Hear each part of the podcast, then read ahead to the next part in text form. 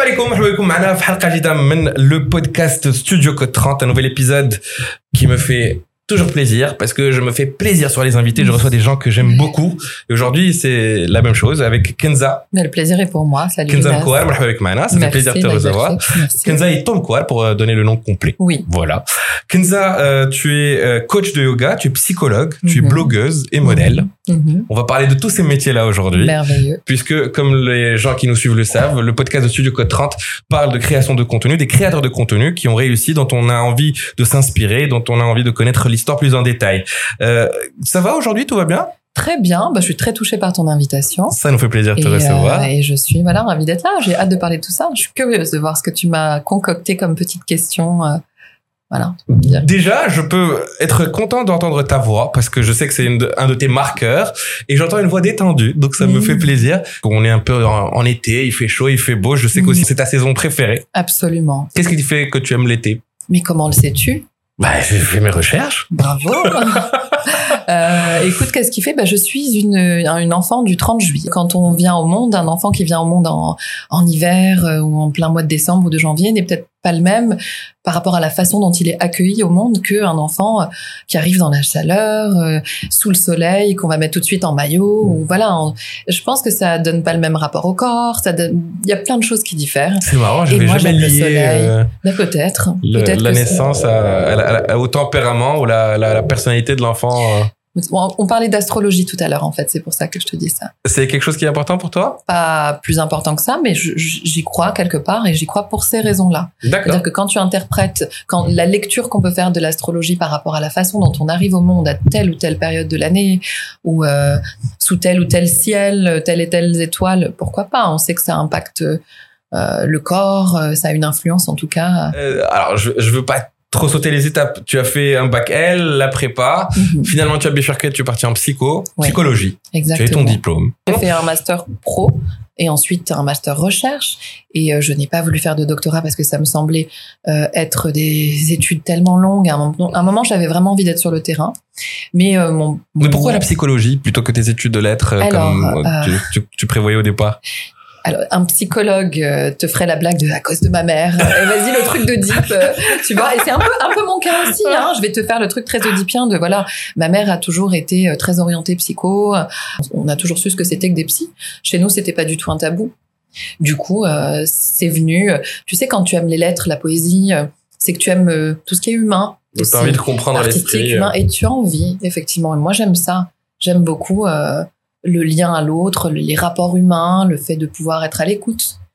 Euh, on y reviendra, mais c'est aussi ce qu'on fait un peu dans le yoga, finalement, c'est assez complémentaire. C'est ça qui est particulier avec la psychologie. Alors, tu me dis que tu veux comprendre l'humain, tu aurais pu faire sociologie, par exemple, ou anthropologie, par exemple. Je sais pas. Mais en- de se sentir capable d'encaisser et de d'écouter les gens, d'absorber leurs peines, leurs problèmes Mm. et d'essayer de les aider à les dépasser, il faut une certaine force quelque Ouais. part.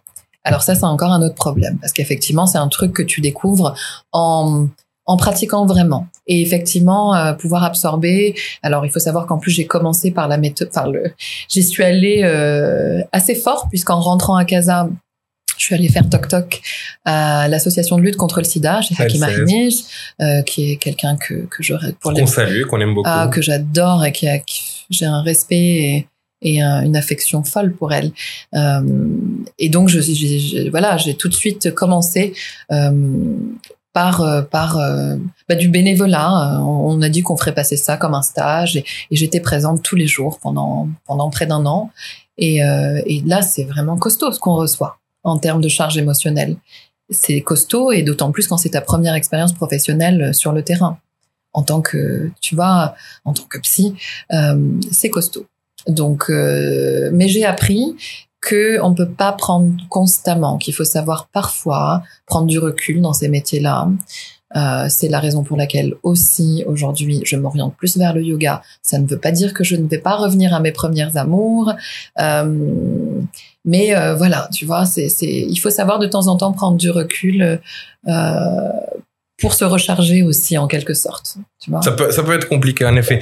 Et donc, euh, oui, tu as donc fait l'associatif. Et en parallèle à tout ça, tu continues à être modèle. Tu fais des shootings de temps en temps, tu poses.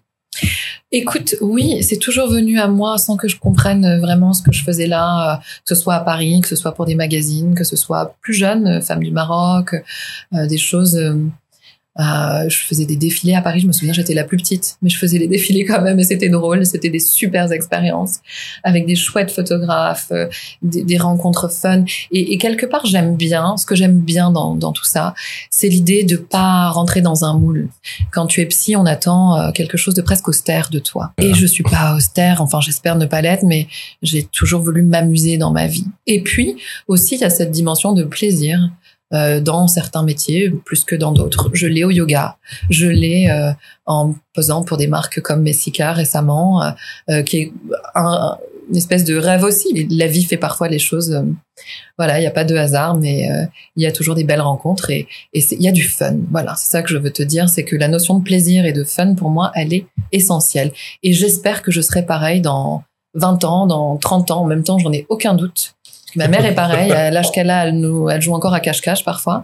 Mais euh, tu vois, la notion de plaisir et d'amusement. Mais c'est pour ça que tu as accepté de faire ça? C'est pas, pas, pas, naturel forcément pour tout le monde de se dire euh, je vais euh, poser, on va me prendre en photo et mon image vendra des choses et ouais. ou mon image est exposée aux autres et donc je voilà. Tout à fait. C'est particulier aussi. C'est très particulier.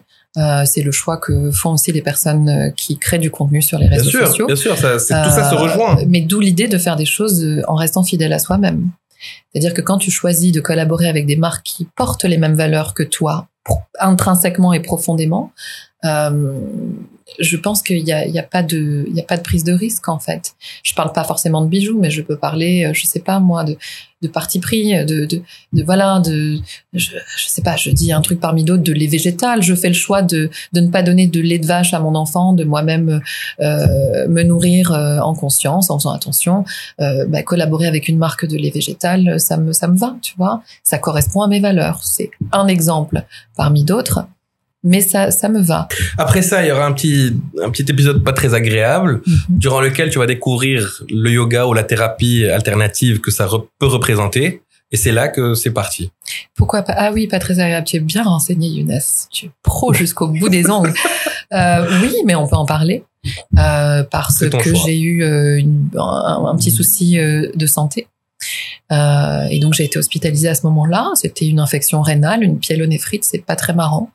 Et euh, donc c'est euh, presque un mois d'injection tous les jours. C'est assez lourd. C'est assez lourd, ça casse bien le moral aussi. Et là, sur mon lit de clinique, je me souviens de cette colère où je me dis, mon corps me dit quelque chose. Et je vais reprendre les mots d'une amie très chère qui est qui s'appelle Anne Anne Bianchi et qui vit à Paris et qui est elle-même qui a suivi. C'est incroyable parce qu'on a eu un coup de cœur l'une pour l'autre il y a quelques années en se croisant à Marrakech. Et on a suivi la même route. Elle était dans la mode. Elle était rédactrice en chef euh, d'un gros magazine. Euh, elle, elle, bossait avec pas mal de marques. Euh, et on a un peu cette même trajectoire d'aller vers ce point où à un moment, le corps lâche. Et comme elle le dit si bien, à un moment, la maladie, c'est aussi le, comme on dit, le mal a dit. Mmh. Et que dit le mal en fait? Le mal veut nous dire quelque chose. Donc à un moment de se dire qu'est-ce qui se passe? Pourquoi mon corps somatise? C'est aussi de la psycho en fait. Le symptôme exprime quelque chose. Dans la psychologie, la psychanalyse, le symptôme c'est l'expression d'un conflit interne. interne. Et du coup, euh, là, mon, mon, corps me disait quelque chose et effectivement, bon bah, il manquait quelque chose pour être tout à fait heureuse et tout à fait épanouie. Et je pratiquais à ce moment-là le yoga en tant qu'élève. Et euh, il y a un prof, Jérôme, qui est en France actuellement, qui m'avait déjà dit tu seras prof de yoga. Toi. Je me dis mais n'importe quoi. Euh. Bon, mais c'est flatteur, mais mais non, je crois pas. Et à ce moment-là, je me dis mais en fait c'est le yoga et c'est venu comme une évidence. Euh, tu le pratiques. déjà partie de ta vie, mais tu vas lui accorder une place un peu plus importante. Ben, je me dis qu'il y a peut-être un truc à faire à, à ce moment-là. Je viens de la danse classique. J'ai été l'élève de euh, Michel et Hassan Zinoun oh. pendant des années. Et c'est pour moi l'école classique par excellence, la vraie école classique au Maroc. Le seul danseur étoile marocain, je crois. Ah bah oui, et euh, les, les, deux seuls solistes de chez Maurice Béjart, c'est des personnes que j'aime profondément. Et, et, donc en venant de la danse classique, c'était aussi une, une, une voie d'accès au yoga qui va aussi chercher l'alignement, la respiration bien sûr, et le travail du corps pour aller rejoindre l'esprit, mais le travail du corps est là. Donc à ce moment-là, je me dis bon bah c'est le yoga. Donc euh, bah, voilà, quelques mois après. euh, Donc, formation, j'imagine. Ça c'était en, en janvier et en juillet, je suis partie au Costa Rica pour le Costa Rica. Euh, Pourquoi le Costa Rica? Et bah tout simplement parce que j'avais envie de beauté. Alors il y a tout un truc autour de la beauté. J'aime la beauté.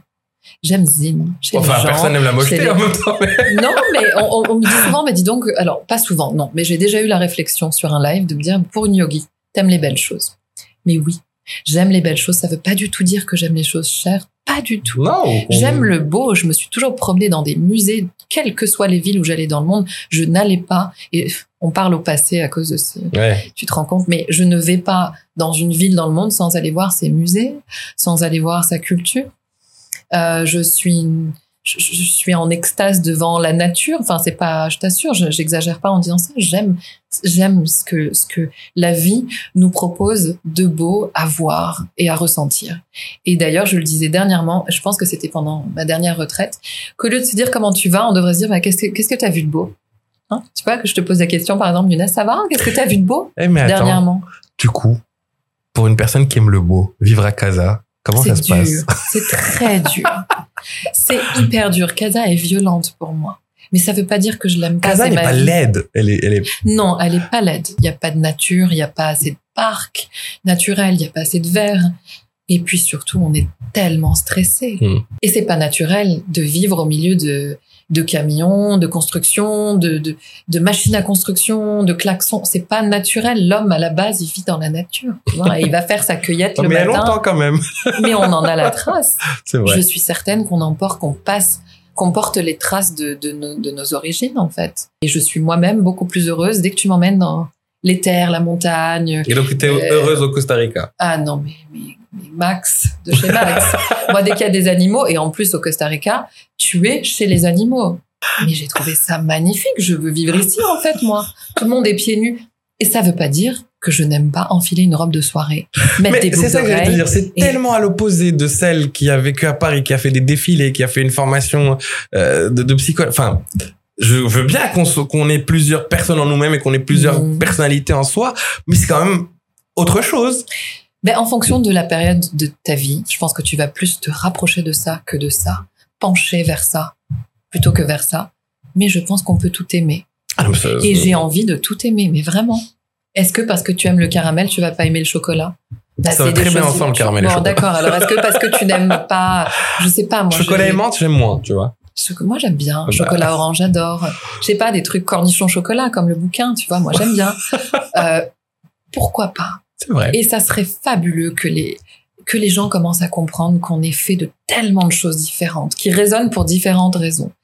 Que, au lieu de vouloir entrer dans des cases à tout prix, euh, on puisse accueillir toutes ces parties de nous-mêmes et que les, les, gens aussi nous accueillent tels que l'on est, en fait. Je suis pas juste la prof de yoga ou juste la psy. Je suis euh, mille personnes différentes et, et j'essaye de composer avec tout ça. Et j'essaye de faire au mieux, en fait, pour euh, m'entendre déjà moi-même. Euh, mais c'est passionnant.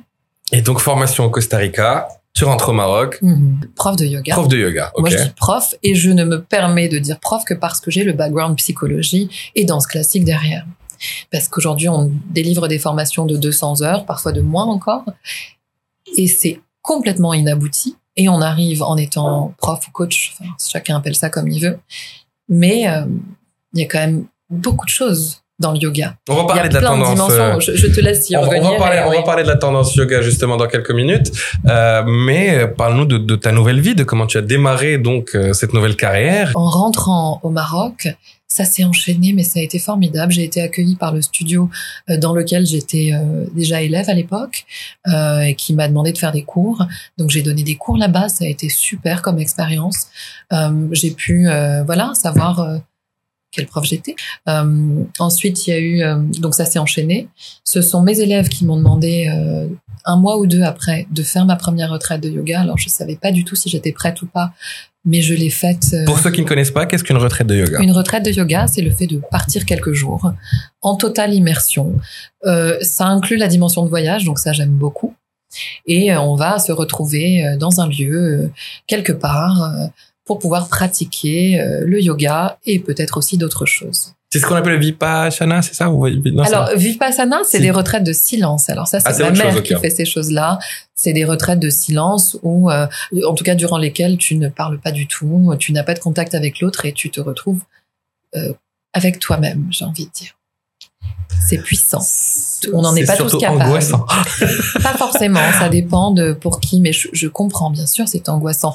Mais c'est là que tu te dis, il y a un problème. Parce que si le fait de se retrouver sans aucune autre distraction que moi-même m'angoisse, c'est qu'il y a un truc que j'ai perdu Mais avec grave, moi. D'accord. Mais Mais tellement tu vois, on est d'accord. Mais moi, je me est- laisserai avec personne tout seul. Alors moi, avec moi-même, non. je me connais trop pour ça. Qu'est-ce que tu veux dire? Je me connais trop pour ça. Tu te Bah, laisserais c'est- pas tout seul? Ah non, non, grave que non. Mais tellement pas. Non, non. Ah non. oui. Mais c'est trop de bruit dans la tête tout seul. Ah Ouais, mais oui, c'est ça. Et c'est normal. C'est-à-dire que ce- les bruits vont remonter. Il va falloir les calmer à ce moment-là. Faudrait que je consulte. On doit tous consulter, je te rassure. Tout le monde. On doit tous consulter, mais, mais il- il- dans l'idéal, il faudrait pouvoir rester avec soi-même sans que ça nous fasse flipper. D'après ce que j'ai entendu, ta voix, Ouais. encore une fois, y est pour beaucoup dans le succès de tes cours et de tes retraites. Il y a eu plusieurs occasions, on m'a dit de ta voix, euh, il se passe un truc. Et c'est vraiment dans le yoga que j'ai eu ce truc de ta voix est un outil, quoi. Ta, ta voix soigne et fait du bien. Alors, It- It's a thing, ça existe vraiment, le fait d'avoir une voix qui soigne? mais, mais oui, parce que la voix, c'est de la vibration. Et les vibrations, c'est soigner et rééquilibrer Le les énergies dans le ouais. corps. Les Mhm. gens qui font du sound healing, les gens qui font vibrer euh, des bols tibétains ou qui qui utilisent les bols euh, en cristal, ou tout ça, c'est des vibrations. On sait que les vibrations ont un effet sur le corps, encore une fois, sur l'eau dans le corps, euh, sur, sur tout ce qui se passe à l'intérieur, en fait. Donc, je veux bien croire qu'à un moment, certaines voix, attends, je m'applique en disant, certaines voix ont un effet euh, plus que d'autres et tant mieux je suis, je suis super contente d'avoir découvert que ma voix avait cet effet. C'est-à-dire qu'il y a des fois où les gens me contactent pour des collaborations et qu'on me dit mais c'est c'est génial t'as la même voix que sur les réseaux sociaux. Mais oui en fait je, tu vois. C'est ma voix. Ah, t'exagères quand même On arrivait au cœur du sujet, euh, en tout cas de ce qui nous réunit aujourd'hui, c'est-à-dire les réseaux sociaux et ton utilisation euh, de ces réseaux sociaux pour diffuser ton contenu et ce que tu crées. Euh, et en fait, on pourrait euh, se poser la question sur quelqu'un qui se cherche comme ça, mais qui se trouve dans la psychologie, dans le yoga, dans le modeling, s'il n'y a pas une recherche de validation quelque part, Mhm. une recherche de de- de- d'approbation de, ce qu'on projette comme image. Mhm. Euh, et, et on en essaie plusieurs et des, et des postures et des différentes et on, on donc tu réponds tu dis non j'ai ça je- moi je valide tout ça et donc ça me va Mhm. Euh, ma y a question est un peu longue pardon, non, non, mais- il y a toujours une question de validation. En fait, il y a toujours une demande d'amour, quoi que tu fasses. Même dans les métiers altruistes, t'occuper de quelqu'un, c'est, c'est aussi une forme de réparation et aussi une demande d'amour. Les réseaux sociaux, c'est, c'est dangereux aussi pour ça. C'est-à-dire qu'à un moment, il faut pas que ça, que ça devienne euh, l'essentiel de, de notre vie, tu vois. Il faut pouvoir. Et j'ai été rassurée dernièrement, en fait, parce que moi-même, je me suis dit, est-ce que tu peux décrocher totalement et aimer ton instant présent et savoir l'apprécier? Et euh, j'ai passé une semaine euh, dans le sud à surfer, euh, à apprendre le surf, et où j'ai vraiment désactivé toutes les applis. Mais j'ai adoré ce moment. Et en fait, le fait de travailler avec les réseaux sociaux, c'est un travail à part entière. Donc, euh, ça fait qu'on peut rarement décrocher. Mais quand on le fait et qu'on sait apprécier ces moments-là, c'est que tout va bien. Tu vois? Maintenant, euh, tu n'as pas eu le faux mot? Le fear of non, missing pas out? du tout. Au contraire, j'étais tellement heureuse d'être là où j'étais à cet instant-là. Et dans tous les cas, tu veux que je te dise, j'y crois pas à ce faux mot, parce que je pense qu'on est toujours à la bonne place au bon moment et que rien n'arrive par hasard. Non, j'aime aussi mon instant présent euh, sans avoir besoin d'être ailleurs. Ça m'a beaucoup aidé pendant le confinement et ça m'aide à c'est me ce qui dire. te manque le plus de la vie d'avant? Ouais, je pense. Les hugs et les bisous aussi, mais je crois qu'on y revient petit à petit et, et j'espère. Euh, j'espère aussi qu'on va pouvoir repasser à une vie, ça sera jamais celle d'avant, mais en tout cas à une vie peut-être meilleure, avec plus de conscience, je sais pas. Mais euh, voilà, le côté humain, et c'est pour ça que j'ai choisi aussi le yoga, c'est de pouvoir toucher sans être dans le déni du corps. Dans la psycho, tu es face à face, ou tu as, ou dans la psychanalyse, la personne est allongée et tu es, tu es dans son, dans Mhm. son dos, entre guillemets. Euh, dans le yoga, tu touches, tu ajustes et tu prends en considération ce corps qui n'est pas rien. On a souvent tendance à sous-estimer le corps par rapport à l'esprit. le corps, c'est un temple. Il faut faut lui rendre hommage à ce corps. faut l'honorer. C'est pour ça, aussi que tu le mets en valeur sur tes réseaux sociaux. Ah, j'ai aucun problème, oui, avec euh, avec mon corps. C'est-à-dire que et pour autant, et j'en ai parlé dernièrement avec un, un, photographe avec lequel je vais travailler prochainement. Euh, des postures suggestives, c'est pas moi. Par contre, euh, un corps qui est féminin naturellement et qui se laisse aller à sa féminité et qui s'assume, ça c'est tout à fait moi. Donc j'ai pas forcément envie de faire des shootings euh, ultra suggestifs, euh, tu vois, les gens. C'est pas très yoga de toute façon, non Mais je ne fais pas, que du yoga. Après, tu vois, sur une collab comme Essika, ça va être des postures. Enfin, c'est même pas des. Tu vois, je parle encore en yoga. Ça va être des poses. Et, euh, et, et je, je sais aussi poser pour mettre en valeur des bijoux ou un vêtement. Laisser mon corps être ce qu'il est avec ses formes, avec ce qu'il est en fait. Je vais pas le cacher, surtout pas dans des postures de yoga. Et ça vient aussi de la danse classique. Dans la danse classique, tu n'as pas le tabou du corps en fait. Mhm. Tout ton corps est au travail. Et tu n'as pas ni, tu vas pas dire ah c'est mes fesses, faut pas que je les montre chouma, ça n'existe pas. Donc tu apprends à t'approprier ton corps exactement comme il est, euh, bon, bien qu'il y ait des standards dans la danse classique et que la danse classique soit beaucoup plus rigide et dure que le yoga justement, où il est question de réconciliation. Mais en tout cas, tu t'appropries tout ton corps dans ce qu'il est et, tu, travailles avec. C'est un outil de travail. Donc moi, si certaines postures, certains y voient des choses bizarres ou euh, un corps mis en valeur, ou euh, je m'en fiche en fait. Moi, la posture, c'est ce qui m'intéresse. Si elle est juste, qu'elle est belle, qu'elle est, bah pourquoi pas euh, la partager. Alors, qu'est-ce que tu as envie de partager sur tes réseaux sociaux? Qu'est-ce que tu choisis? Est-ce que tu réfléchis déjà à une stratégie? Est-ce que c'est juste spontané? Est-ce que tu as une espèce de ligne éditoriale? Comment tu fonctionnes sur tes réseaux sociaux? Comment tu les diriges? Alors déjà, euh, pour être totalement transparente et honnête, je n'ai aucun tabou. Hum, avec le fait, aucun problème en tout cas avec le fait de travailler avec les réseaux sociaux. Mhm. Donc il m'arrive aussi de gagner ma vie avec les réseaux sociaux, avec des Comme marques tous ceux qui viennent dans cette émission, donc je te rassure, il n'y a aucun oui, tabou non, mais je sais, avoir. non, mais parce que tu vois, dès que tu tu, tu, tu représentes une marque où tu peux avoir des réflexions de ah c'est de la pub. Et Oui. alors? Et après en fait il n'y a pas de mal tant que tu prônes des valeurs. Mais moi je veux bien faire de la pub pour des laits végétaux et encourager les gens à mieux se nourrir à bannir le lait de vache à euh, faire attention à pas avoir de trop d'acidité euh, dans le corps parce que ça ça crée des maladies. Euh, je sais pas il y a plein de choses que j'aime bien prôner et parfois c'est des choses peut-être moins utiles euh, comme euh, bah, une marque de bijoux, mais si c'est utile à notre plaisir et si c'est beau, pourquoi pas. En tout cas, bon, voilà, ce que je fais, j'aime ce que je fais et je choisis euh, avec beaucoup de... C'est quoi le mot? Je perds De, de, de- Avec beaucoup de... Précision. Ouais, oui, avec... Voilà, je choisis euh, vraiment en toute conscience et je- les marques avec lesquelles je, je collabore. Mais avant d'en arriver aux marques et aux, aux collaborations, Le, le faut déjà con- construire une plateforme, faut déjà alors, moi, ça un- s'est fait très naturellement et tu verras qu'entre le Costa Rica où j'avais à peu près euh, 8000 ou, ou 10 000 followers, euh, cinq ans après, j'en ai 48 000. C- Ça va tout doucement. Donc, vraiment, c'est un truc, c'est comme le yoga, c'est venu euh, naturellement. Après, tu forces pas les choses. Donc, euh, peut-être que j'aurai jamais, euh, et même certainement un million de followers, parce que ce que je fais, c'est effectivement destiné à une niche, et, tout le monde n'a pas forcément envie de suivre ça. Mais euh, on m'a déjà dit, poste ton fils et ta famille, et tu verras, tu vas exploser. Et c'est quelque chose que je refuse de faire. Pourquoi? Ben parce qu'il m'a rien demandé, le pauvre petit. Il a deux ans. Je vais pas à l'exposer. euh, Et comment ces réseaux sociaux sont utiles dans, dans ta pratique de ton métier et dans ton quoti- quotidien euh, professionnel? C'est utile dans le sens où ça permet de euh, montrer un petit peu ce que je fais, euh, de, de peut-être créer le déclic, donner envie à des gens qui seraient jamais venus autrement. Voilà. Le but c'est pas, tu vois, c'est pas de parler que de soi, c'est de transmettre quelque chose. C'est pour ça qu'on, qu'on- en tout cas, c'est pour ça qu'on serait censé parler d'influence qui est pas le terme que j'utiliserais. Il y a beaucoup de gens qui, qui vont te dire la même chose que moi. Je préfère parler d'inspiration que d'influence. Mais euh, le but, c'est de, de, oui, d'inspirer et de se laisser inspirer par d'autres et de, de transmettre quelque chose. Tu m'as posé une question Pas de, intéressante pas avant. de s'étaler, pardon. Tu m'as posé une question intéressante avant l'émission, c'est pourquoi on t'a choisi pour ou on t'a invité. Et en fait, ce que tu viens de dire est très intéressant. Euh, Ça, ça rejoint ça.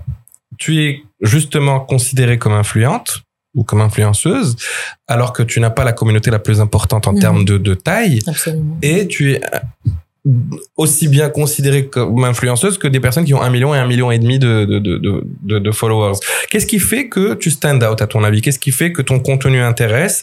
Qu'est-ce qui fait qu'on te calcule entre guillemets Mhm. au milieu de toutes ces autres personnes qui ont des millions de followers? Alors, il y a deux choses. Déjà, dans mon domaine du yoga, au Maroc, il y, a- il y en a, y a pas beaucoup, beaucoup. Il y en a, mais il y en a pas énormément. Ça commence de plus en plus d'ailleurs, mais mais c'est effectivement, il y a pas beaucoup. euh, c'est pas visible autant que les euh, euh, les euh, make-up, euh, les tutos de make-up ou les. Où effectivement, t'as beaucoup plus de personnes Mhm. qui font ça ou qui sont dans la mode. Donc, t'as déjà ce côté-là. Et puis, je pense, sans prétention aucune, que je j'essaye d'être au plus près de moi-même, c'est-à-dire de transmettre des messages vrais, de pas jouer le jeu. Euh, parce que, et ça j'ai entendu Sarah te le dire en interview, j'ai trouvé ça très pertinent. Bien sûr que les réseaux sociaux c'est une, une image. Bien sûr qu'on va nous dire mais attendez vous n'êtes pas exactement ce que vous êtes dans la vraie vie. Mais et elle disait très justement euh, que la personne qui pense que que tu es celle des réseaux sociaux, c'est que c'est elle qui a un problème et que c'est à elle de, de revoir un petit peu.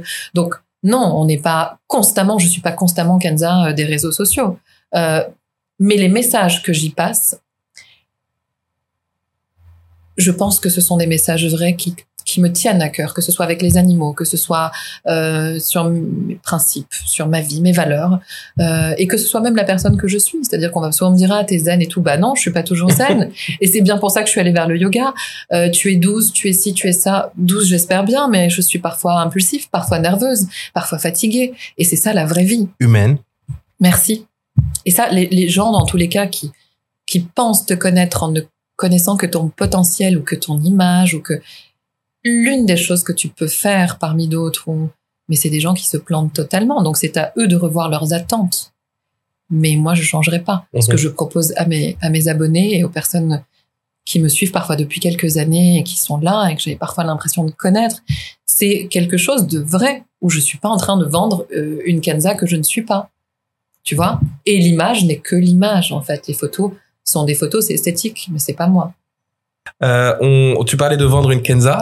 on va parler d'argent si tu le permets. Mais bien sûr. Et euh, est-ce que les réseaux sociaux te rapportent de l'argent? Eh bien, occasionnellement, oui, puisqu'il m'arrive d'être euh, sous contrat avec une marque. Euh, voilà. Mais, Suffisamment pour que ce soit un revenu qui te suffirait? Alors écoute, j'ai envie de te dire que c'est plus que ça, puisque c'est pas juste les contrats, c'est aussi de ramener des gens au yoga. au yoga Pas forcément chez moi, mais euh, au yoga en général. Et puis quand ils arrivent chez moi, ben, ce sont de nouveaux élèves. Euh, c'est aussi de ça que je vis. Et donc c'est important que les gens le comprennent. Après la période du confinement, C'est ce que j'allais te dire. Est-ce que le confinement a un impact difficile sur ta, ta écoute, pratique? au début du confinement, on a tous donné des, des cours gratuits. On a tous proposé des lives. proposé Tu as des même essayé, tu as même essayé YouTube euh, sur lequel tu n'as pas été très fidèle. quoi, pas du tout. pas du tout, mais franchement, euh, il s'est passé des choses dans ma vie. C'est là que je te dis que je ne suis pas, je verse pas dans le perso.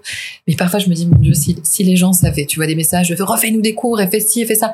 C'est magnifique parce qu'il y a un enthousiasme et, et du désir, quoi. Ils veulent apprendre, ils veulent continuer. Et j'aimerais tellement. Mais euh, voilà, je suis aussi euh, euh, une femme qui travaille, une maman, une single mom en plus. Et ça, je, je sais bien aussi d'encourager les mamans célibataires. Faut pas en faire un tabou. Il faut leur dire que ce sont des héroïnes parce qu'une maman qui gère toute seule, c'est, c'est. Franchement, salut quoi. C'est Ouais, c'est, c'est franchement, c'est, c'est, j'ai beaucoup de, mais c'est comme le fait d'être maman, c'est quand tu l'es que tu comprends ce que l'autre vit. Euh, sinon, tu peux pas totalement comprendre ce que ce qui peut traverser. Et effectivement, euh, le temps me manque parfois. Mais donc YouTube, non, j'ai pas été euh, régulière du tout. Mais je sais que ce sont des cours qui servent encore. C'est-à-dire que jusque là, je reçois des messages avec, euh, voilà, j'ai fait ton cours ce soir, donc ça me donne envie et je prendrai le temps, Inch'Allah, d'en faire d'autres. Mais euh, Donc tu as essayé YouTube durant le alors oui, confinement. et puis là, alors le truc génial, c'était qu'à un moment, il a quand même fallu qu'on se remette à gagner notre vie. Et donc les gens, à un moment, tu dis mais c'est pas gratuit.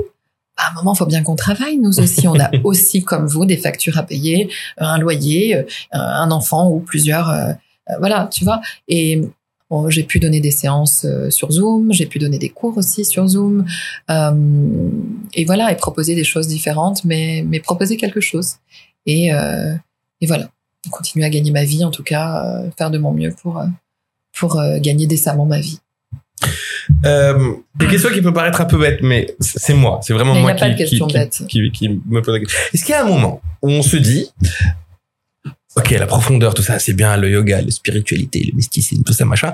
À un moment, est-ce qu'on dit, bah, ah, on se libère de tout ça Parce que il y en a qui, comme moi, le vivent parfois comme une charge de, de- qui fait fonctionner le cerveau, tu vois, c'est les gens plus.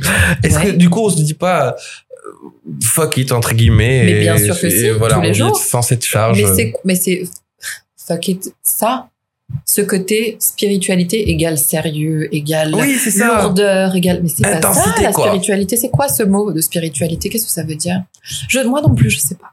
Cette vision-là de la spiritualité, mais si on mettait un petit peu de légèreté. En fait, même quand Tu veux être légère, tu es spirituel, en fait. Non, non, non. Allez, je me casse. Non, mais c'est vrai. Est-ce qu'on peut parler du yoga comme discipline sportive uniquement, qui n'a aucune charge spirituelle ou, ou intellectuelle ou quoi que ce soit, juste comme un Euh, sport? oui, bien sûr. On n'est personne pour juger ou pour dire ça doit être comme ci ou comme ça. T'as forcément des gens qui vont essayer d'en tirer profit en disant moi, je tire profit de la vulnérabilité de l'autre. Tu vois? Et, et c'est humain, c'est pas juste dans, euh, c'est pas juste là avec tous ces métiers autour du bien-être. En fait, il faut voilà, faut, faire attention. Il faut toujours faire attention. On va passer à l'interview Où est mon tapis? On va te Mhm. citer un certain nombre de, de situations Mhm. et tu vas me dire est-ce que c'est des situations qui nécessiteraient que tu te fasses une petite séance pour Ou là c'est cool, c'est pas très grave. Mhm. Ok? Se cogner le petit orteil ou marcher sur un Lego? Ça va, Ça va. ça se gère. Quand l'ascenseur se ferme devant toi et que la personne à l'intérieur n'a rien fait pour le retenir, en te regardant dans les yeux. Moi, elle te regarde comme ça. Ben, ça dépend de qui est la personne en face. Ah, C'est peut-être ton voisin, je sais pas. Euh, oui, non, ça, ça va encore. Ça se gère. On Ça te dit le, le yoga n'est pas un vrai sport. So what? Ok. Quand tu mets ton téléphone à charger pendant une heure et que tu réalises après qu'il n'était pas branché. Ça, ça arrive. Et ben, ça dépend ce que tu vas faire du téléphone après. Ça peut se gérer, ça peut, ça peut nécessiter, nécessiter- un bon mat de yoga bien, Ok. bien. Après une rupture. Mhm. Le, Ouais. le yoga, ça peut. Alors le yoga euh, ou euh, les techniques qui sont autour du yoga. Moi, j'ai eu besoin de ça aussi, du- de la respiration, euh, de tout ce qui me permettait de sortir de, de à l'intérieur toutes les choses que j'avais à sortir parce qu'il faut pas les garder. Donc euh, oui, mat de yoga et plus si affinité. Euh, quand tu t'ennuies. ouais, c'est cool ça quand tu t'ennuies. Mais en même temps, c'est bien aussi de s'ennuyer. Tu vois, il se passe plein de choses dans c'est important. Mais c'est comme pour les enfants, il faut savoir laisser Mm. un enfant s'ennuyer parce que quand un enfant ne s'ennuie jamais, il va imaginer des choses, il va faire travailler, se stimuler, s'auto-stimuler en fait. Donc, euh, je pense que l'ennui est bien, mais que maintenant, quand on veut en sortir, c'est chouette aussi d'avoir un mat à proximité. Très bien. Quand tu vois quelqu'un manger un Kit Kat par quatre au lieu par euh, de, enfin un par un, tu vois, quatre euh, les quatre doigts du Kit Kat. Mhm. D'un coup, croque dans je les suis quatre capable de le faire parce que tu vois, moi, on me l'a fait remarquer dernièrement. Tu le fais? Tu me donnes un, un, un gâteau. C'est ma belle-sœur qui me l'a fait. Kenza, ma belle-sœur, qui me l'a fait remarquer. Tu, je, je vais au milieu, moi. Elle me dit, c'est dingue, Mais regarde, on va tous sur le côté. Pourquoi je sais pas. D'accord. Je vais direct- libre. Écoute, je vais direct au, au, centre du, du, du truc, voilà, on point. Donc, euh, Quand tu te prends une baie vitrée comme ça, fat, bon. ouais, tu prends le mat de yoga. Après une conversation non, pardon, vas-y. Non, non, j'ai j'ai vu, je, je l'ai pas, je l'ai euh, pas prise moi de façon grave, mais j'ai- vu quelqu'un qui m'est cher euh, la prendre et casser toute la baie vitrée. Je t'assure que tu prends le mat de yoga et tu le gardes près de toi pendant quelques jours. Après une conversation non consentie avec un chauffeur de taxi. Ouais, tu. Parce que parfois tu prends des énergies que t'as pas demandé à ça. Donc soit t'arrives à les arrêter tout de suite en disant stop, j'ai pas envie d'avoir cette conversation, ne m'embête pas. soit alors, euh, quand t'es obligé d'absorber, bah tu, tu déverses sur ton tapis de yoga, c'est fait pour ça. Sur toutes ces questions-là, il y en a deux ou trois en fait. Donc c'est ça, ça marche le yoga, t'es plutôt zen, c'est cool. Je sais. Même si tu m'as dit tout à l'heure, mais c'est vrai, regarde, on t'a testé. euh, Non, non, non, je suis pas. Tu sais sur quoi je suis pas zen? Je suis pas zen sur les trucs qui touchent à mes principes. Alors là, je suis pas zen du tout. La malhonnêteté, euh, la, la fourberie, formule. C'est un coup à se bloquer les chakras, ça. Exactement, bien, bien vu. Exactement, bah, quelque part, oui, c'est un coup à, à déséquilibrer tout ce qui se passe. Dark side of the human. Ah, bah, bah, bah, je suis pas zen du tout. La maltraitance. Oui. Et il n'y a pas que de la maltraitance physique, la maltraitance psychologique, euh, la maltraitance des animaux. Alors là, je peux devenir dingue ou d'un enfant ou de. Je, je, moi-même, je me suis retrouvée à dire des mots que je ne savais pas que je pouvais dire à des mecs dans la rue. Euh, On va finir par quelque chose de d'assez cool. C'est qu'on va te demander conseil ou de guider les, les nouveaux yogis, ceux qui sont qui explorent la possibilité de faire du yoga, et mhm. qui se posent des questions, et on va te demander de les aider. Pourquoi est-ce qu'il faut commencer le yoga? Pour faire une expérience nouvelle. Est-ce que tout le monde peut le faire? Oui, De quoi a-t-on besoin pour de le rien. faire? D'enlever sa tête et de la laisser loin euh, chez soi et de bouger son corps et de le ramener sur un tapis de yoga. Est-ce qu'il y a un meilleur moment dans la journée pour une session de yoga?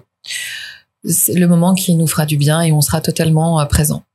Qu'est-ce qu'il faut éviter de manger ou de boire avant un cours de yoga? On évite de manger et de boire tout court de, av- avant un cours de yoga parce que ça bouge quand même, on va faire circuler les énergies et il vaut mieux le faire le ventre vide. Les cours de yoga sur YouTube, est-ce qu'ils sont fiables? Oui, certains, bien sûr.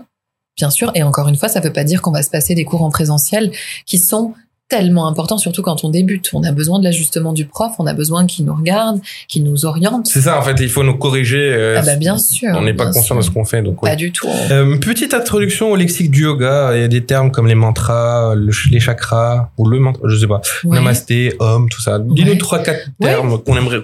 Juste pour sortir comme ça, qu'on ait l'air cool, tu vois. Ah. Ouais, j'ai fait mon homme ce matin. Fait euh, tu veux qu'on le fasse? Tu Oui, vas-y. Om. Et après, il faut tenir longtemps, c'est non ça? Non, alors vraiment pas. Tu vois le but justement, parce que Om c'est le son de la création de l'univers. C'est censé être ça, en tout cas pour les chez les anciens. Qu'est-ce que c'est le son de la création? C'est que si tu enlèves tous les bruits qui nous parasitent, tous tous, tous les bruits, quel bruit reste-t-il dans l'univers? Ben ça serait ce Om. Et qu'est-ce que c'est? C'est le, le le son de de l'un. Tu vois, de quand euh, tout est là? Et, et c'est donc le ce son qui va unir en fait euh, le home. Et donc, il s'agit pas, mais ça, t'as toujours un gars qui se prend pour un chanteur d'opéra et qui va te faire un home qui dure beaucoup plus longtemps et qui est bien au-dessus des autres. Et tu lui dis, mec, c'est pas ça le yoga. C'est pas ça le but du home. À un moment, t'es juste avec tout le monde et tu t'arrêtes en même temps que tout le monde. Et c'est là qu'elle est la magie. C'est quand tout fusionne et qu'on est ensemble. Et c'est le but du yoga. Le, le yoga veut dire union. Union entre le corps et l'esprit, mais union aussi ensemble, on est ensemble, on respire ensemble, on pratique ensemble, on se compare pas, on se porte les uns les autres. Et donc dans ce home là, bah tu as cette cette idée en fait. Euh, donc ça c'est pour le home. Le namasté c'est le salut. Je salue toutes les belles choses en toi en gros. C'est-à-dire je vais saluer euh, ta ton courage, ta grandeur, ton honnêteté, euh, ta tu vois là je mets mes trucs à moi que je trouve importants. Euh, je sais pas tout tout ce qui fait que que tu es beau à mes yeux et je vais pouvoir voir cette beauté en toi parce que je la porte en moi. C'est sympa. Bah, c'est mieux que que le jugement euh, sur ta paire de pompes ou sur euh, euh, la façon dont tu vois dont tu parles ou dont tu bouges. C'est plus ouais, c'est c'est chouette. Euh, moi, je vais te remercier d'être venu, Bah merci à toi. de ta sincérité, touchée, ta euh. spontanéité, de ta voix, parce qu'elle nous a beaucoup apaisé durant cette interview. C'est vrai, je, je suis calme, je suis zen. Mais tu vois ça marche. Mais oui, On va te mettre au yoga bientôt, ça va pas du tout. Younes. Merci beaucoup. Je vais peut-être me laisser tenter. Merci. Eh ben, tu vois, merci à toi. En tout cas, merci d'avoir pensé à moi et merci de m'avoir accueilli avec ton équipe qui est formidable. Et voilà, je me sens à la maison. Donc, euh, Quand tu veux, Kenza. Merci, Merci. beaucoup. شكرا انتم اللي كتبعونا كما كل شهر في البودكاست ديال ستوديو كود 30 غادي نتلاقاو الشهر الجاي مع نوتر انفيتي ونحن تما سلام